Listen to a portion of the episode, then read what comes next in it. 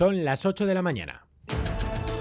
En Radio Euskadi, Boulevard. Con Xavier García Ramsten. Hoy es una noche histórica para la Argentina. Quiero decirle a todos los argentinos que hoy comienza el fin de la decadencia argentina.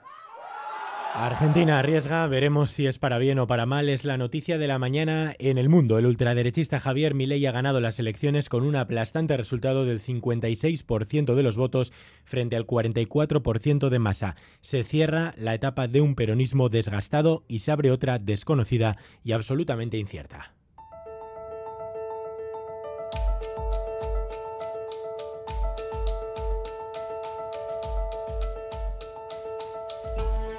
Enseguida conectamos en directo de nuevo con Buenos Aires con nuestro corresponsal Iñaki Aramayo para conocer la última hora en el país. Arranca por lo demás la semana del 25 de noviembre, Día contra la Violencia Machista, y a esta hora les ofrecemos un dato.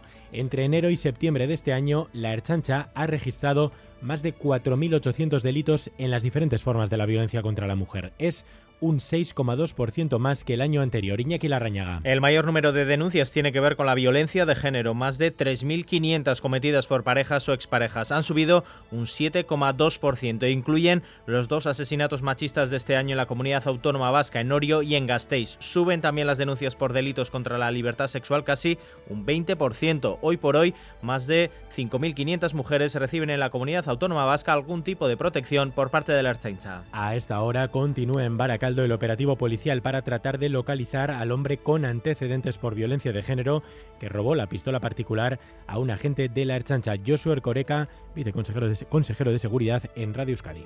El arma no es un arma oficial, sino un arma particular. Se sustrajo y se la llevó y que se inició una búsqueda a partir de ese momento que todavía no ha culminado. La persona está identificada, se sabe quién es, y esta mañana visita a Boulevard el coordinador general de H. Bildu, Arnaldo Tegui, tras la multitudinaria manifestación del sábado Nació Agará, que reunió a unas 30.000 personas en Bilbao.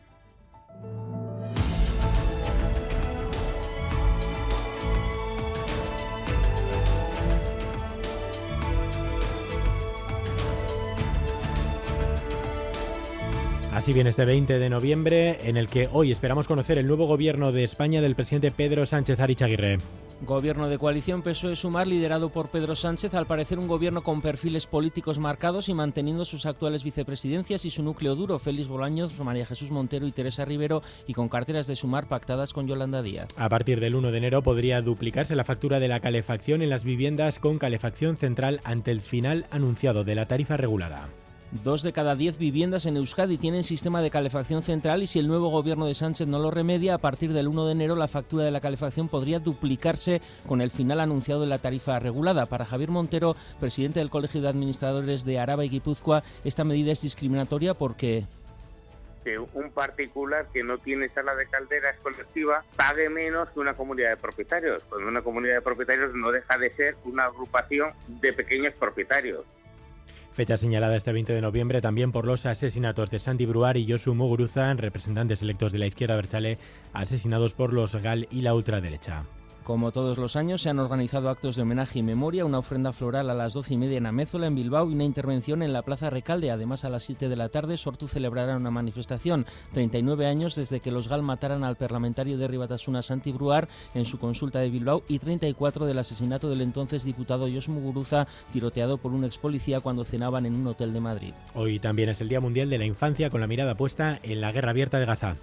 Sí, porque según el gobierno de Gaza, 5.500 niños en menos de mes y medio han muerto desde, que comenzó la guerra. La ONU celebra el Día Mundial de la Infancia desde que se, firmara la Declaración de los Derechos de la Infancia en esta fecha y recuerda que eh, sus derechos deben respetarse en cualquier situación y contexto. Un vecino de Bilbao ha muerto tras despeñarse mientras cazaba en el Valle de Mena. Sí, de 46 años y residente en Bilbao, ha muerto al despeñarse en el Valle de Mena cuando participaba en una batida de jabalís. Los equipos de rescate localizaron anoche su cuerpo. Además, hoy hay huelga en dos sectores, el de las ambulancias externalizadas en Euskadi, en los tres territorios, y huelga también hoy en Mercabilbao, en el área de frutas, verduras y plátanos. Los trabajadores reclaman mejoras en la negociación del convenio de los almacenistas. Ha habido, ha habido algunos incidentes esta mañana en Mercabilbao, tal y como está comprobando nuestra compañera María Ruiz. Volvemos en directo a Basauri. María Egunon. Sí, Egunon, jornada de protestas aquí en Mercabilbao. Es el sonido de primera hora en el interior de Mercabilbao. Ahora nos dicen la protesta ha terminado. Nosotros estamos en el exterior, no se nos ha permitido acceder, pero nos contaban que ha sido una mañana muy tensa entre mayoristas y manifestantes. Incluso la Archancha ha tenido que intervenir. Los 500 almacenistas convocados al paro piden mejoras en el convenio y no descartan más jornadas de huelga. Y en los deportes, destacado sin duda el triunfo de Joaquín Altuna. César Pérez Razolas, ¿qué tal, Egunon? Vamos a ver, pues sí, cuarta chapela del, de Amezqueta en el 4 y medio. Ganaba ayer 22-9 en su octavo final consecutivo de la jaula a un Pello Echeverría que no dio el nivel que te había ofrecido durante todo el campeonato. Dominó de principio a fin Altuna el partido y cierra su participación más complicada con un nuevo triunfo en una final. Ahora deberá Altuna recuperarse de su molestias en el hombro para disputar con garantías el parejas. Todo esto en una mañana muy complicada en las carreteras. Enseguida vamos al detalle antes del tiempo. Boulevard. BRTA, Alianza Vasca de Investigación y Tecnología, te ofrece el tiempo. Eh, ha vuelto la lluvia tras un fin de semana de muy buen tiempo. Eh, las temperaturas han bajado y va a llover tanto hoy como sobre todo mañana. Euskalmet, hola, príncipe Egunon.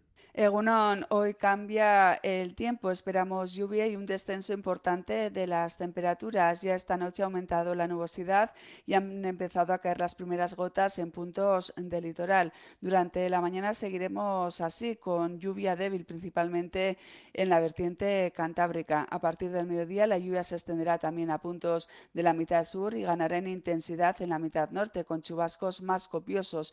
Incluso se podría dar alguna tormenta a últimas horas costa. El viento del noroeste irá adquiriendo fuerza y durante la tarde y la noche será intenso en la costa y en el Valle del Ebro. En cuanto a las temperaturas, descenderán de forma notable y hoy las máximas quedarán entre los 14 y los 16 grados. Por tanto, se acaba la estabilidad y el tiempo soleado que hemos tenido el fin de semana y vuelven las lluvias y el tiempo más fresco. Tenemos hasta ahora 13 grados en Bilbao y Donostia, 12 en Bayona, 9 en Gasteiz, 7 en Iruña, 688 840 840. Egunon, Gernika Lubon, amairu gradu. Astelen ona izan. Egunon tik-tik, kabornikanotik, zerua lainotuta dago eta termometroan bederatzi gradu. Primeran hasi astea!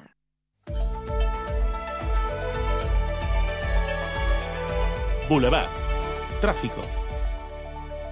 Y lo dicho, mañana complicada en las carreteras. Sonia Hernando, vamos con los detalles. Se nota la calzada mojada con cuatro accidentes a esta hora en las carreteras vascas. Uno en la Guipúzcoa 2132, en el Alto de Perurena, en Herrentería, con dos vehículos accidentados que aún no han sido retirados de la calzada. En la 1, sentido Burgos, en Vitoria-Gasteiz, a la altura de Lopidana, otro siniestro en el que se han visto implicados furgoneta y camión. Uno de los vehículos aún tiene que ser retirado de la calzada. También en la Guipúzcoa 631, en Cestoa, sentido Zumaya, Dos vehículos han colisionado y también están pendientes de retirarse de la calzada y siguen también pendientes de retirarse de la carretera otros dos vehículos implicados en un accidente en Zaratamo. Ha sido en la Vizcaya 625 en sentido Bilbao. Algunas de esas retenciones que estamos viendo en directo a través de las cámaras del Centro de Gestión de Tráfico de Euskadi que pueden ustedes consultar en ETV2. 8 de la mañana y 8 minutos, escuchas Boulevard. Pequeñas y medianas empresas, ¿sabéis que podéis innovar en vuestros productos y procesos y que para ello tenéis a vuestra disposición 17 centros de BRTA? Porque innovar es cuestión de carácter, no de tamaño.